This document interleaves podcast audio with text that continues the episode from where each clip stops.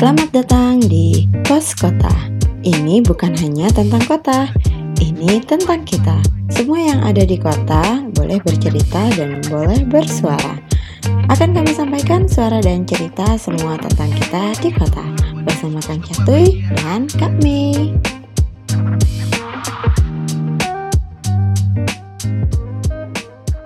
Oke, halo halo. Kembali lagi bersama Kak Catuy dan kami di Oke, eh, hari ini kita akan kedatangan, eh sudah ya, sudah kedatangan tamu dari jauh, tapi tetap dekat karena kita online. Ada Pak Agung uh, beliau adalah Ketua Ikatan Alim Pencanaan Jawa Tengah dan juga salah seorang pecinta musik dari uh, seorang musisi apa namanya tanggal 5 Mei beliau berpulang yaitu uh, almarhum Didi Kempot. Halo Pak Agung. Halo, assalamualaikum Mbak Mei, Kang Catur. Waalaikumsalam. Sehat Pak. Oke. Alhamdulillah sehat semua. Oke kita akan membahas sebenarnya uh, apa kan topiknya? Iya, Eh, saya dulu ya.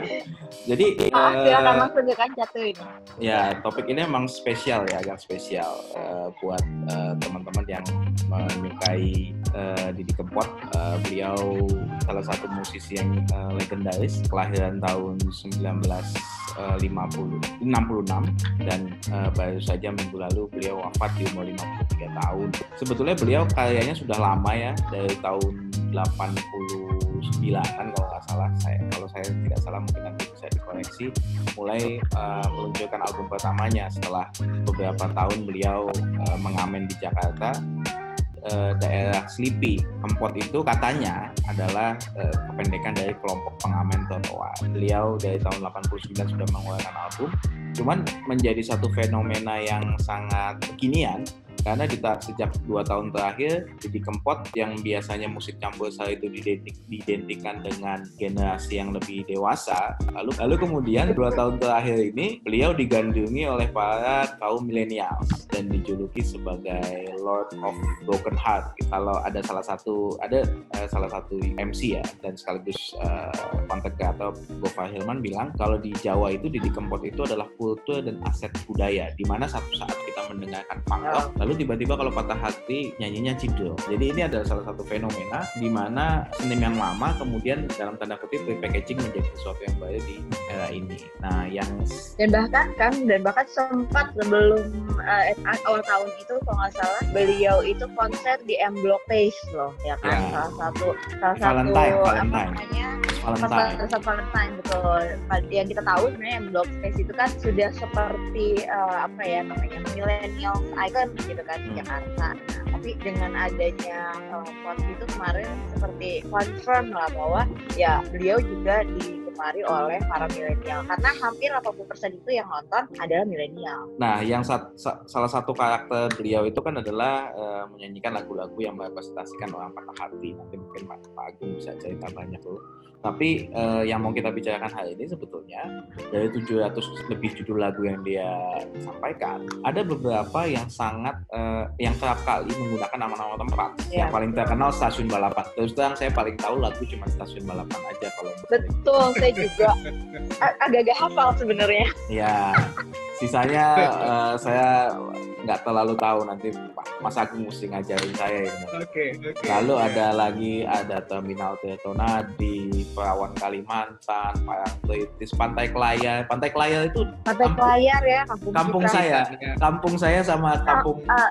suaminya Mbak Mei. Kampung suami saya. ya, dari Pacitan dan lain sebagainya. Nah, kalau pemahaman apa eh, penglihatan kita sebagai orang-orang yang bekerja di dunia ruang, eh, eh, dunia space, jadi kita bisa melihat bagaimana si eh, bagaimana Didi Kempot sangat menghargai lokasi. Nanti mungkin Pak Agung ini bisa bicara banyak di sini. Mas Agung ini ketua beliau ini adalah ketua IAP Jateng, kawan kita. Beliau adalah eh, lulusan dari eh, PWK ya, Mas di Universitas Ya. PWK. Kita coba minta ini Mas, minta apa? ah, bukan arahan, minta pelajaran mengenai ruang dari mengenai pemaknaan ruang dari seorang Didi Kempot. Monggo Mas, silakan perkenalkan diri juga. Silakan Mas. Oke, terima kasih nih Kak, Kang Catur, eh, Kak Mei sudah diundang di eh, pos kota ya. Senang sekali saya, terutama kita bicara tentang almarhum Didi Kempot. Uh, surprise ya kita bicara yang ringan-ringan di pos kota karena setahu saya biasanya terlalu serius nih bicara tentang perencanaan kota dan sebagainya. Kita sedikit Iya. ringan. Ini juga terinspirasi dari Pak Agung karena Pak Agung kan Oke. kemarin posting tuh ya Iya, sedikit iya. ringan ya kan. Wah ini seru juga nih kalau kita bikin nih. Ya tentu yang pertama kita uh, kehilangan ya atas uh, meninggalnya Mas Didi Kempot dan uh, semoga beliau mendapatkan tempat yang baik di sisi Tuhan. Amin. Amin. Dan ini fenomenal sebenarnya lagu-lagunya cukup banyak dan tadi Kang Catur uh, menyampaikan beberapa tentang perspektif mempunyai sense of place atau perspektif ruang dari lagu-lagu yang dinyanyikan Didi Kempot.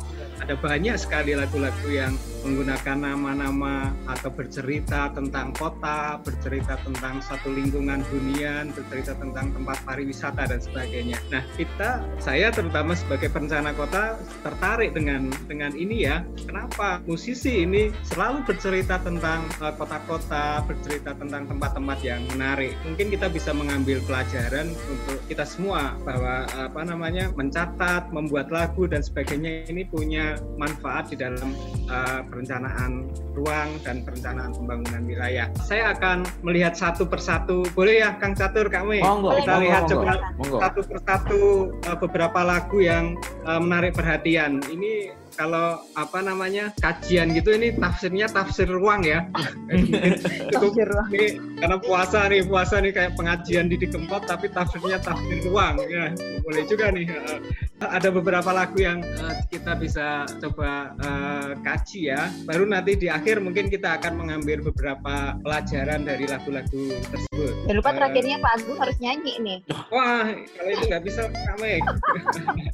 Atau Kang Catu dia soalnya udah belajar nih Pak. Jadi kita Wah, ini Kang Sat- Kang Satur nanti yang yang nyanyi Cidil, ya. Nah, Pak. Cidro mesti lagu nih ya. Ada lagu yang berjudul Banyu Langit. Nah, Banyu Langit ini di syairnya Oh. ada yang bunyi ini Ademe Gunung Merapi Purbo. Ini Iya. ada subtitlenya nggak nih bahasa Indonesia ya?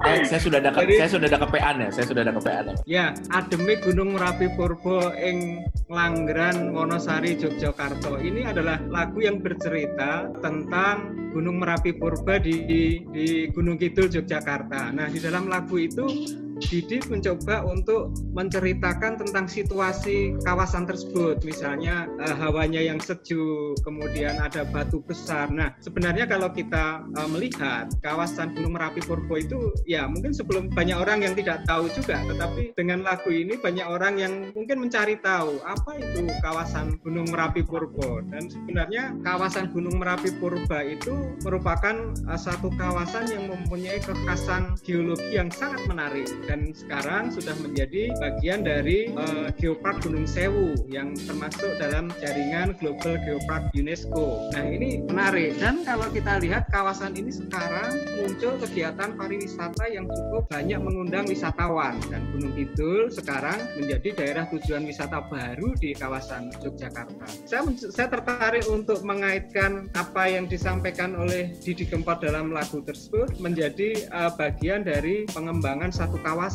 Nah, mungkin juga orang memanfaatkan eh, lagu ini sebagai media untuk mempromosikan kawasan-kawasan tersebut. Nah, kita tahu beberapa kegiatan pariwisata, event-event pariwisata juga diselenggarakan di kawasan Ngelanggeran ini dan ini banyak mengundang semakin banyak mengundang orang untuk berkunjung ke kawasan Pelanggaran. Ini ini contoh contoh satu lagu. Kemudian lagu yang lain kita bisa melihat eh, tadi Kang Catur sudah menyampaikan ada stasiun balapan dan terminal Tirtonadi. Nah, stasiun balapan dan terminal Tirtonadi ini sebenarnya kalau kita lihat petanya kan lokasinya berdekatan. Lokasinya berdekatan Nah, ini sekarang sedang di- sudah dibangun intermoda yang menghub- menghubungkan antara stasiun Tirtonadi dan stasiun eh, terminal Tirtonadi dan stasiun Balapan. Nah, terminal Tirtonadi ini adalah terminal paling sibuk se-Jawa Tengah, mungkin se-Jawa ya. Jawa Tengah lah, Jawa- Jateng DIY paling sibuk Tirtonadi karena Solo merupakan area yang menghubungkan antara Jawa Tengah dan Jawa Timur. Peran Terminal Tirtonadi ini di dalam kehidupan di Solo cukup dominan dalam sistem transportasi di Solo dan juga uh, Jawa Tengah. Nah, di sini kita bisa melihat uh, syairnya nih, nalikone ing Terminal Tirtonadi ngenteni tekani bis wayah wengi. Itu artinya ketika di Terminal Tirtonadi itu menunggu bis sampai malam. Nah, Tirtonadi ini 24 jam Kang Catur. Hmm. Uh, 24 jam. Artinya kehidupan malam di Terminal Tirtonadi ini digambarkan oleh Didi Kempot dalam lagunya dan juga stasiun balapan. Nah, kita bisa belajar terutama para perencana kota bahwa satu kota itu keberadaan uh, sarana transportasi, terminal, stasiun ini cukup menarik untuk sebagai aktivitas utama oleh uh, dalam satu kota. Ini, ini yang coba diungkap oleh Didi Kempot. Selain itu Didi Kempot juga uh, Mas Agung, Mas Agung, mm, sorry, Mas Agung. stop dulu okay. Ini kan dia nih menggambarkan pengalaman beliau, pengalaman beliau kali ya. Mungkin pengalaman yang beliau rasakan ketika menunggu bus di malam hari ya. atau ketika dia pulang pergi di dari stasiun balapan. Memang seberapa penting sih Pak uh, Agung uh, kalau saya kan hanya pengunjung di stasiun balapan maupun Tirtonadi tapi sebenarnya seberapa penting sih Tirtonadi dan stasiun balapan ini bagi wajah Solo kalau Mas Agung boleh sharing seperti saya bilang tadi Solo ini kan kota transit ya. Solo itu kota transit dari Jawa Tengah Jawa Timur yang uh, mobilitas penduduk pergerakannya cukup tinggi. Nah peran Tirtonadi dan stasiun balapan ini cukup besar dalam menunjang kehidupan masyarakat di Solo dan sekitarnya. Jadi tidak hanya Solo tetapi juga uh, wilayah sekitarnya. Solo Raya ya kalau kita sebut biasanya Solo Raya, Boyolali, Sukoharjo, Wonogiri, Karanganyar, Sragen dan sekitarnya. Nah, uh, saya tertarik kenapa Didi Kempot mengambil uh, lokasi tersebut sebagai lagu. Karena di situlah sebenarnya uh, orang sangat bergantung kepada fasilitas transportasi di dalam satu kota. Mungkin ya, mungkin. Dan dan orang awam banyak menggunakan terminal itu. Dan itu menjadi apa namanya bagi sebagian besar orang mungkin itu bisa menjadi juga men menimbulkan kenangan tersendiri dengan lagu yang diciptakan oleh karena itu hampir, kan kayak karena hampir semua orang Solo pasti pernah pakai Tirto Nadi dan Solo Balapan. Di Solo ini ada tiga stasiun kami ada stasiun balapan ada stasiun Purwosari ada stasiun Jebres. Jadi okay. uh, perkereta apiannya cukup dominan di kota Solo. Dan sekarang di, dibangun nih Skybridge dari hmm. stasiun balapan ke terminal Tirto Jadi orang tidak oh. lagi keluar stasiun menuju terminal tapi bisa jalan kaki pakai sepeda nah, ini di gambar ini bisa kita gambarkan. Nah, ini sebenarnya pelajaran menarik bagi kita sebenarnya para planner bahwa uh, intermoda itu di lokasinya di, di, diabadikan oleh seorang musisi menjadi lagu. Dan kita harusnya ka terhadap situasi-situasi yang seperti ini. Yang menarik untuk menjadi kajian kita bahwa terminal, stasiun itu harus menjadi satu tidak terpisahkan. Ya boleh. Lagu lainnya ya. Ada beberapa lagu lainnya. Kemudian saya coba melihat yang Tanjung Mas Ninggal Janji. Nah Tanjung Tanjung Mas Ninggal Janji ini di Semarang Mas. Di Semarang. Hmm. Tanjung Mas ini juga punya apa namanya sejarah panjang di dalam kehidupan di Semarang. Karena di sinilah awal mula perdagangan masuk ke kota Semarang. Nah kalau kita lihat di gambar ini nih masih ada mercusuar yang yang lama ya yang yang ini masih masih berdiri sekarang. Dan ini menjadi tradisional tradisional di Semarang. Dan di sisi yang lain sekarang sudah sudah dibangun dermaga yang pelabuhan yang modern. Nah, ini juga menarik kita bahwa Tanjung Mas ini juga diabadikan dari menjadi sebuah lagu dan harapannya ke depan peran pelabuhan ini juga bagus dalam mendukung sektor-sektor ekonomi dan pariwisata di Jawa Tengah. Itu yang uh, kita saya coba tangkap itu pesannya. Kemudian yang lain, kemudian ada juga di Nganjuk ya, ada alun-alun Nganjuk ini kalau teman-teman tahu ada lagu judulnya Alun-alun Nganjuk. Nah, alun-alun Nganjuk ini dia juga mencoba menggambarkan nih kalimatnya begini, disekseni lampu alun-alun iki neng terminal stasiun Gun Golei. Itu artinya disaksikan lampu alun-alun, uh, dia mencoba mencari sampai ke terminal, sampai stasiun dan sebagainya. Uh, ini juga tentu bagi warga Nganjuk seharusnya dengan lagu ini mereka akan sangat mem mempunyai uh, ya, mempunyai sense of belonging terhadap alun-alun alun dan tentunya semuanya harus harus uh, apa namanya menggunakan alun-alun ini sebagai fasilitas publik kota yang bisa digunakan masyarakat untuk kepentingan sosialnya. Nah ini uh, deskripsi yang lengkap dalam sebuah lagu ini harapannya bisa menjadikan satu uh, fasilitas kota ini bisa menarik bagi semua orang. Itu menangkap seperti itu. Kalau alun, Uh, kemudian yang lain kalau gimana? alun alun Nganjuk sama terminal itu emang dekatan mas. Aduh. Wah, saya nggak Dekat, tahu dekat nama saya- jauh ya, tapi dia dia mencoba biasa Saya belum pernah, lah saya dia. belum pernah ke Uh, uh, Nganjuk soalnya. Saya juga belum pernah sih. Ya, iya, iya, iya. Nah, yang seperti yang sebenarnya bisa eh, menarik semua orang untuk mencari ya dengan dengan dengan dia diekspresikan kepada sait lagu. Nah, orang-orang tentu mempunyai apa eh, keinginan untuk mengeksplor lebih banyak lagi di mana sih alun-alun Nganjuk itu eh, seperti apa sih alun-alun Nganjuk itu dan ini eh, cukup menarik bagi saya. Eh, kemudian yang lain ada juga lagunya yang lain ini judulnya tentang Magelang. Dia juga menggambarkan tentang Gunung Tidar. Nah, Gunung Tidar di Magelang itu, nah ini neng kutha Magelang, pager ijo sing nyekseni, Gunung Tidar sing nyekseni nganti tekan semene nyatane setya ing janji. Jadi dia mencoba uh, meng- mengungkapkan disaksikan oleh Gunung Tidar uh, dia masih tetap setia janji kan seperti itulah ya. Jadi hijau itu kira-kira apa mas ya? Wah itu pagar hijau, pagar siapa nggak tahu ya. Pagar hijau, ini kayaknya mungkin pagar hijau tuh mungkin ini kali ya apa namanya gunungnya kan hijau gitu ya. Ah iya kan? iya. Bisa Tadinya jadi kamu. Apa namanya? Jadi dia mengatakan bahwa itu adalah pagar hijau. Mungkin. Iya. tadinya saya Bisa pikir ya. tad- tadinya saya pikir karena ini Magelang mungkin pagar hijau Iya. itu merepresentasikan apa namanya kan di sana banyak eh, komplek-komplek militer kali ya. Tadinya Wah, saya pikir seperti itu. Oh iya Ini bisa tafsirnya juga. bisa tafsirnya bisa bermacam-macam nih Kang ya. Ya, Tafsirnya ya. banyak. Ya, tapi paling tidak bagi kita bahwa Magelang itu kalau kita lihat kota Magelang kan Gunung Tidar itu mungkin ya ini satu-satunya gunung di dalam kota.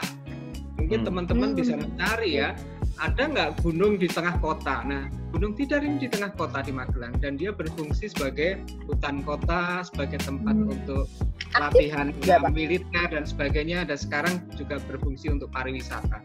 Artinya eh, Didi Kempot ini menggambarkan satu situs yang ini sangat berharga bagi sebuah kota dan ini Hmm. menurut saya eh, tantangan bagi kita semua, tantangan untuk bagi musisi dan semuanya untuk menuliskan, menggambarkan, merekam suatu situs yang punya peran penting di dalam eh, eh, ekologi sebuah kota dan wilayah.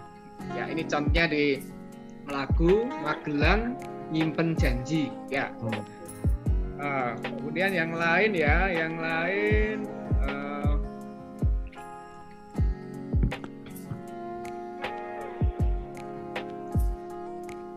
Tapi posisi Gunung Tidar itu kan termasuk eh, ini ya, termasuk cukup cukup salah satu gunung yang cukup terkemuka ya di Jawa ya Pak ya Karena ya, Aktif nggak ya mas ya?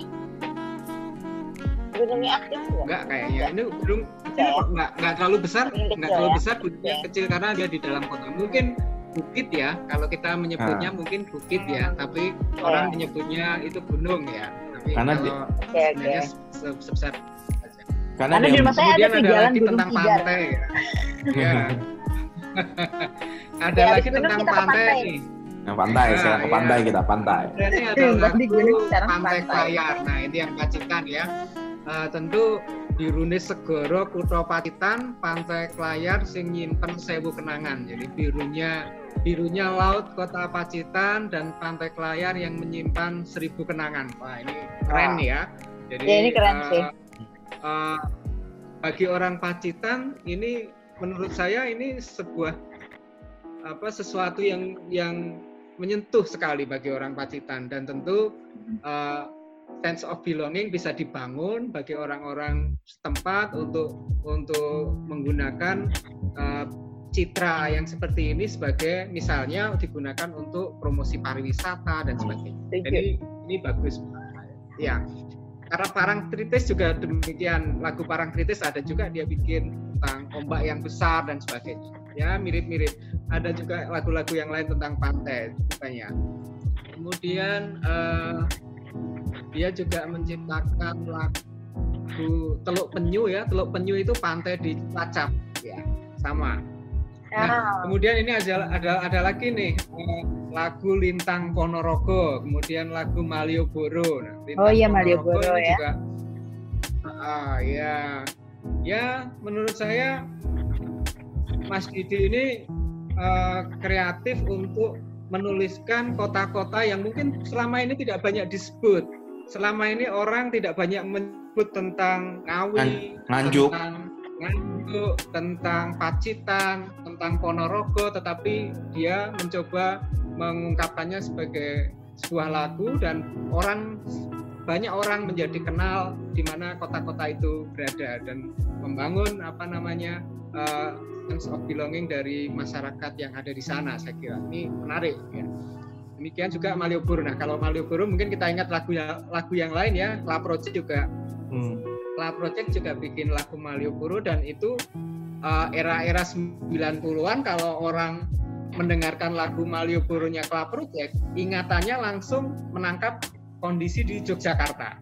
Ya enggak iya, artinya uh, itu betapa betapa kuatnya sebuah lagu mempengaruhi image suatu kota. Nah, kalau ini uh, keluar dari Didi Kempot ya, kalau kita lihat Club Project, uh, cerita di dalam lagu Yogyakarta itu kita langsung menangkap suasana lesehan, langsung menangkap suasana keramah tamahan Jogja, langsung menangkap suasana, suasana musisi jalanan. Ini image yang dibangun oleh sebuah lagu dan ini menurut saya menarik untuk membangun image suatu daerah atau image suatu kota. Oke, ya. oke. Kemudian masih banyak lagi lagu-lagu dari Didi Kempot.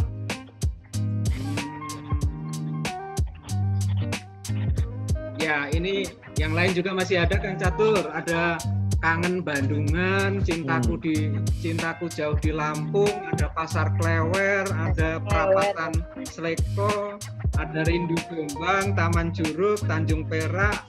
Wah, ini uh, Boyo itu Surabaya ya, kan ya?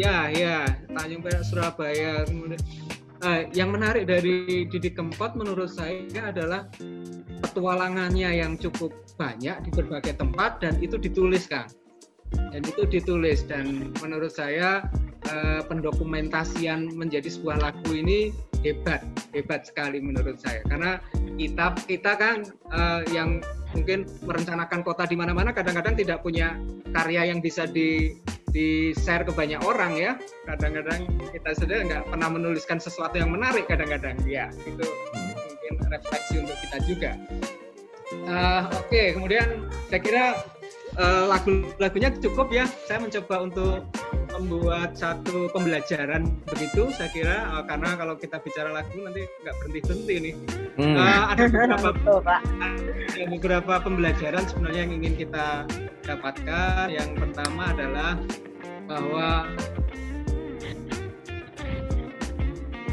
literasi tentang kota atau wilayah? Jadi uh, syair geografis ya bisa kita namakan juga nih syair geografis ini syair mewariskan kita tentang literasi kota dan wilayah. Nah, literasi ini kan kemampuan, keterampilan seseorang yang secara kognitif untuk membaca dan menulis yang mungkin dipengaruhi oleh uh, disiplin akademis tertentu dipengaruhi oleh nilai budaya atau pengalaman. Nah, sepertinya Didi Kempot ini punya nilai-nilai budaya yang tinggi dan mungkin pengalamannya cukup banyak berkelana di berbagai tempat dan hebatnya dia memunculkannya menjadi sebuah tulisan. Nah, tulisan ini berupa syair-syair lagu. Nah, uh, tentu syair lagu ini kan uh, mendeskripsikan situasi alam, mendeskripsikan kota-kota, mendeskripsikan kehidupan di dalamnya. Dan ini menurut saya menarik untuk kita semuanya, terutama para perencana kota untuk juga membaca, menulis situasi di dalam satu kota menjadi sebuah karya, apa pun karyanya. Bisa buku, bisa karya seni, bisa karya ilmiah dan sebagainya. Nah ini ini uh, challenge ya untuk kita semuanya untuk mencoba memperbaiki literasi kita tentang uh, satu kota, literasi tentang satu wilayah. Kemudian uh, yang kedua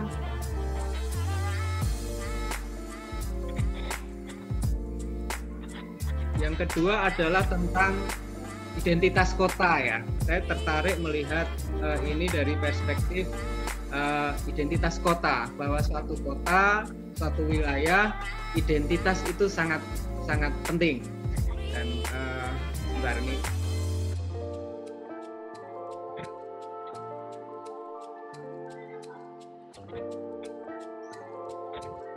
Nah, jadi sense of place, sense of place itu uh, melalui lagu ini dapat menggali, dapat meningkatkan karakter atau citra spesifik suatu wilayah.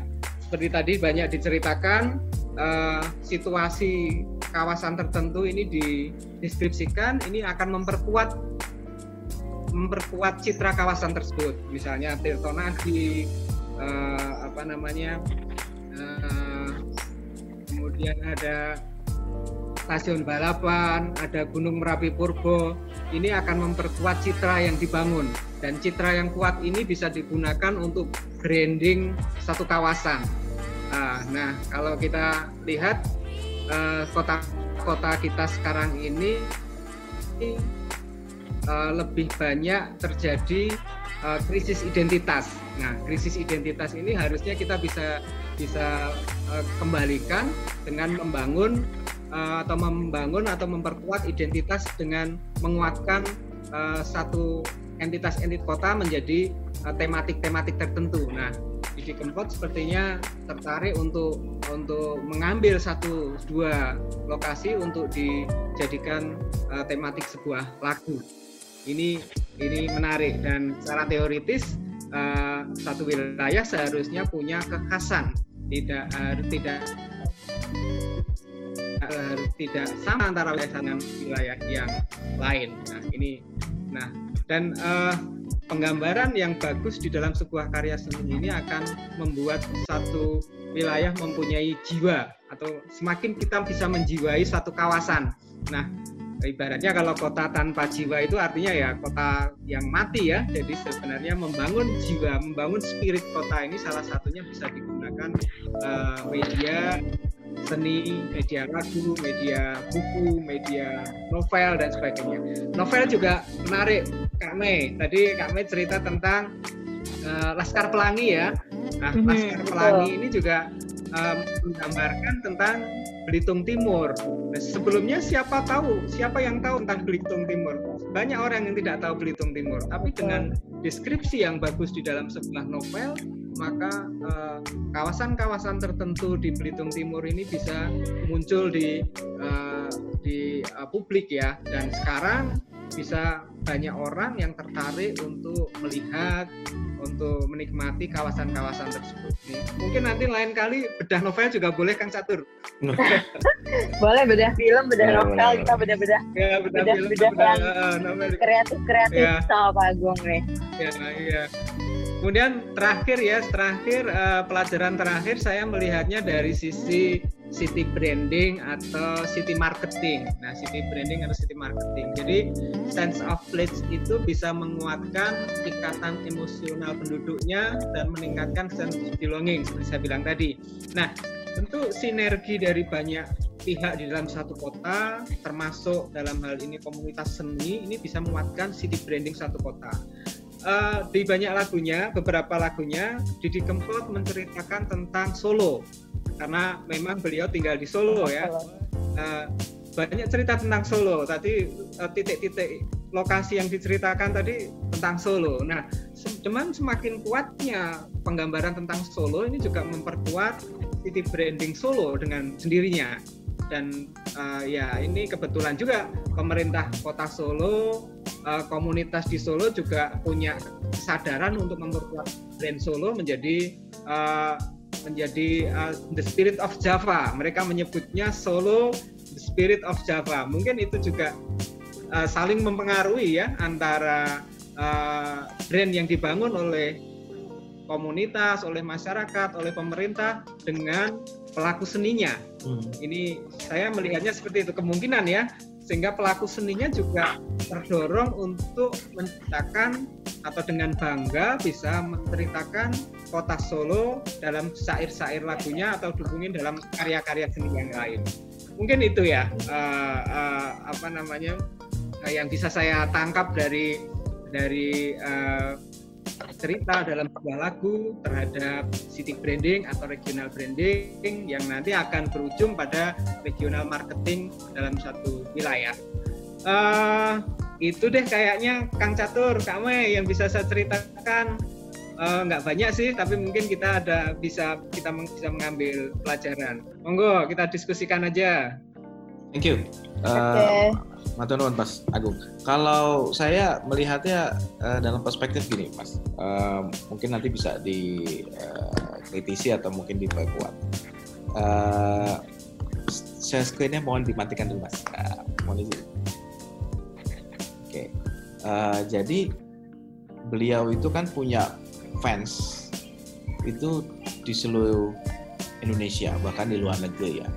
Yang rata sebagian besar adalah uh, kaum migran yang berasal dari uh, Pulau Jawa di berbagai kota, Anjuk, uh, Magelang, uh, Ngawi, dan lain sebagainya. Mahal mungkin termasuk Pacitan.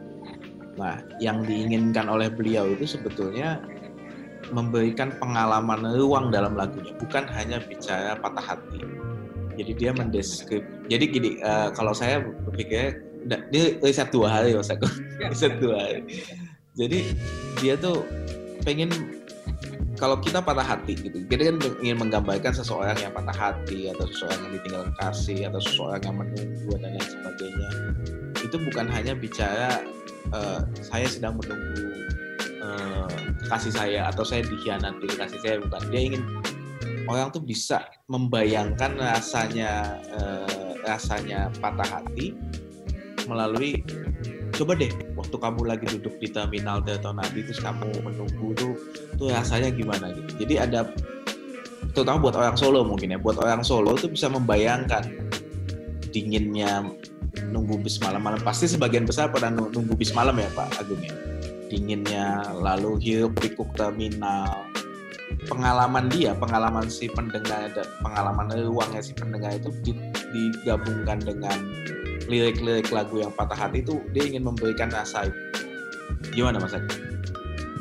Ya, uh, betul. Jadi memori tentang ruang itu menjadi penting ya menurut saya uh, bagi bagi semua orang saya kira hmm, hmm. bahwa uh, cerita tentang sesuatu itu tidak lengkap tanpa deskripsi yang ada keruangannya ini uh, menarik. Jadi uh, bagaimana menceritakan suasana hati tetapi deskripsinya ada aspek tempat aspek ruang.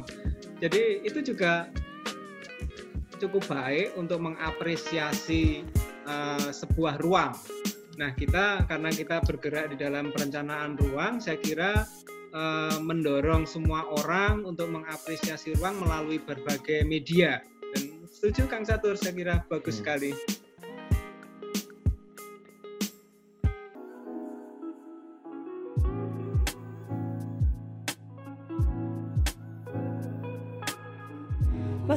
itu dia tadi sesi satu dari perbincangan kita bersama Pak Agung Pangarso mengenai memaknai ruang dari karya-karya almarhum Didi Kempot.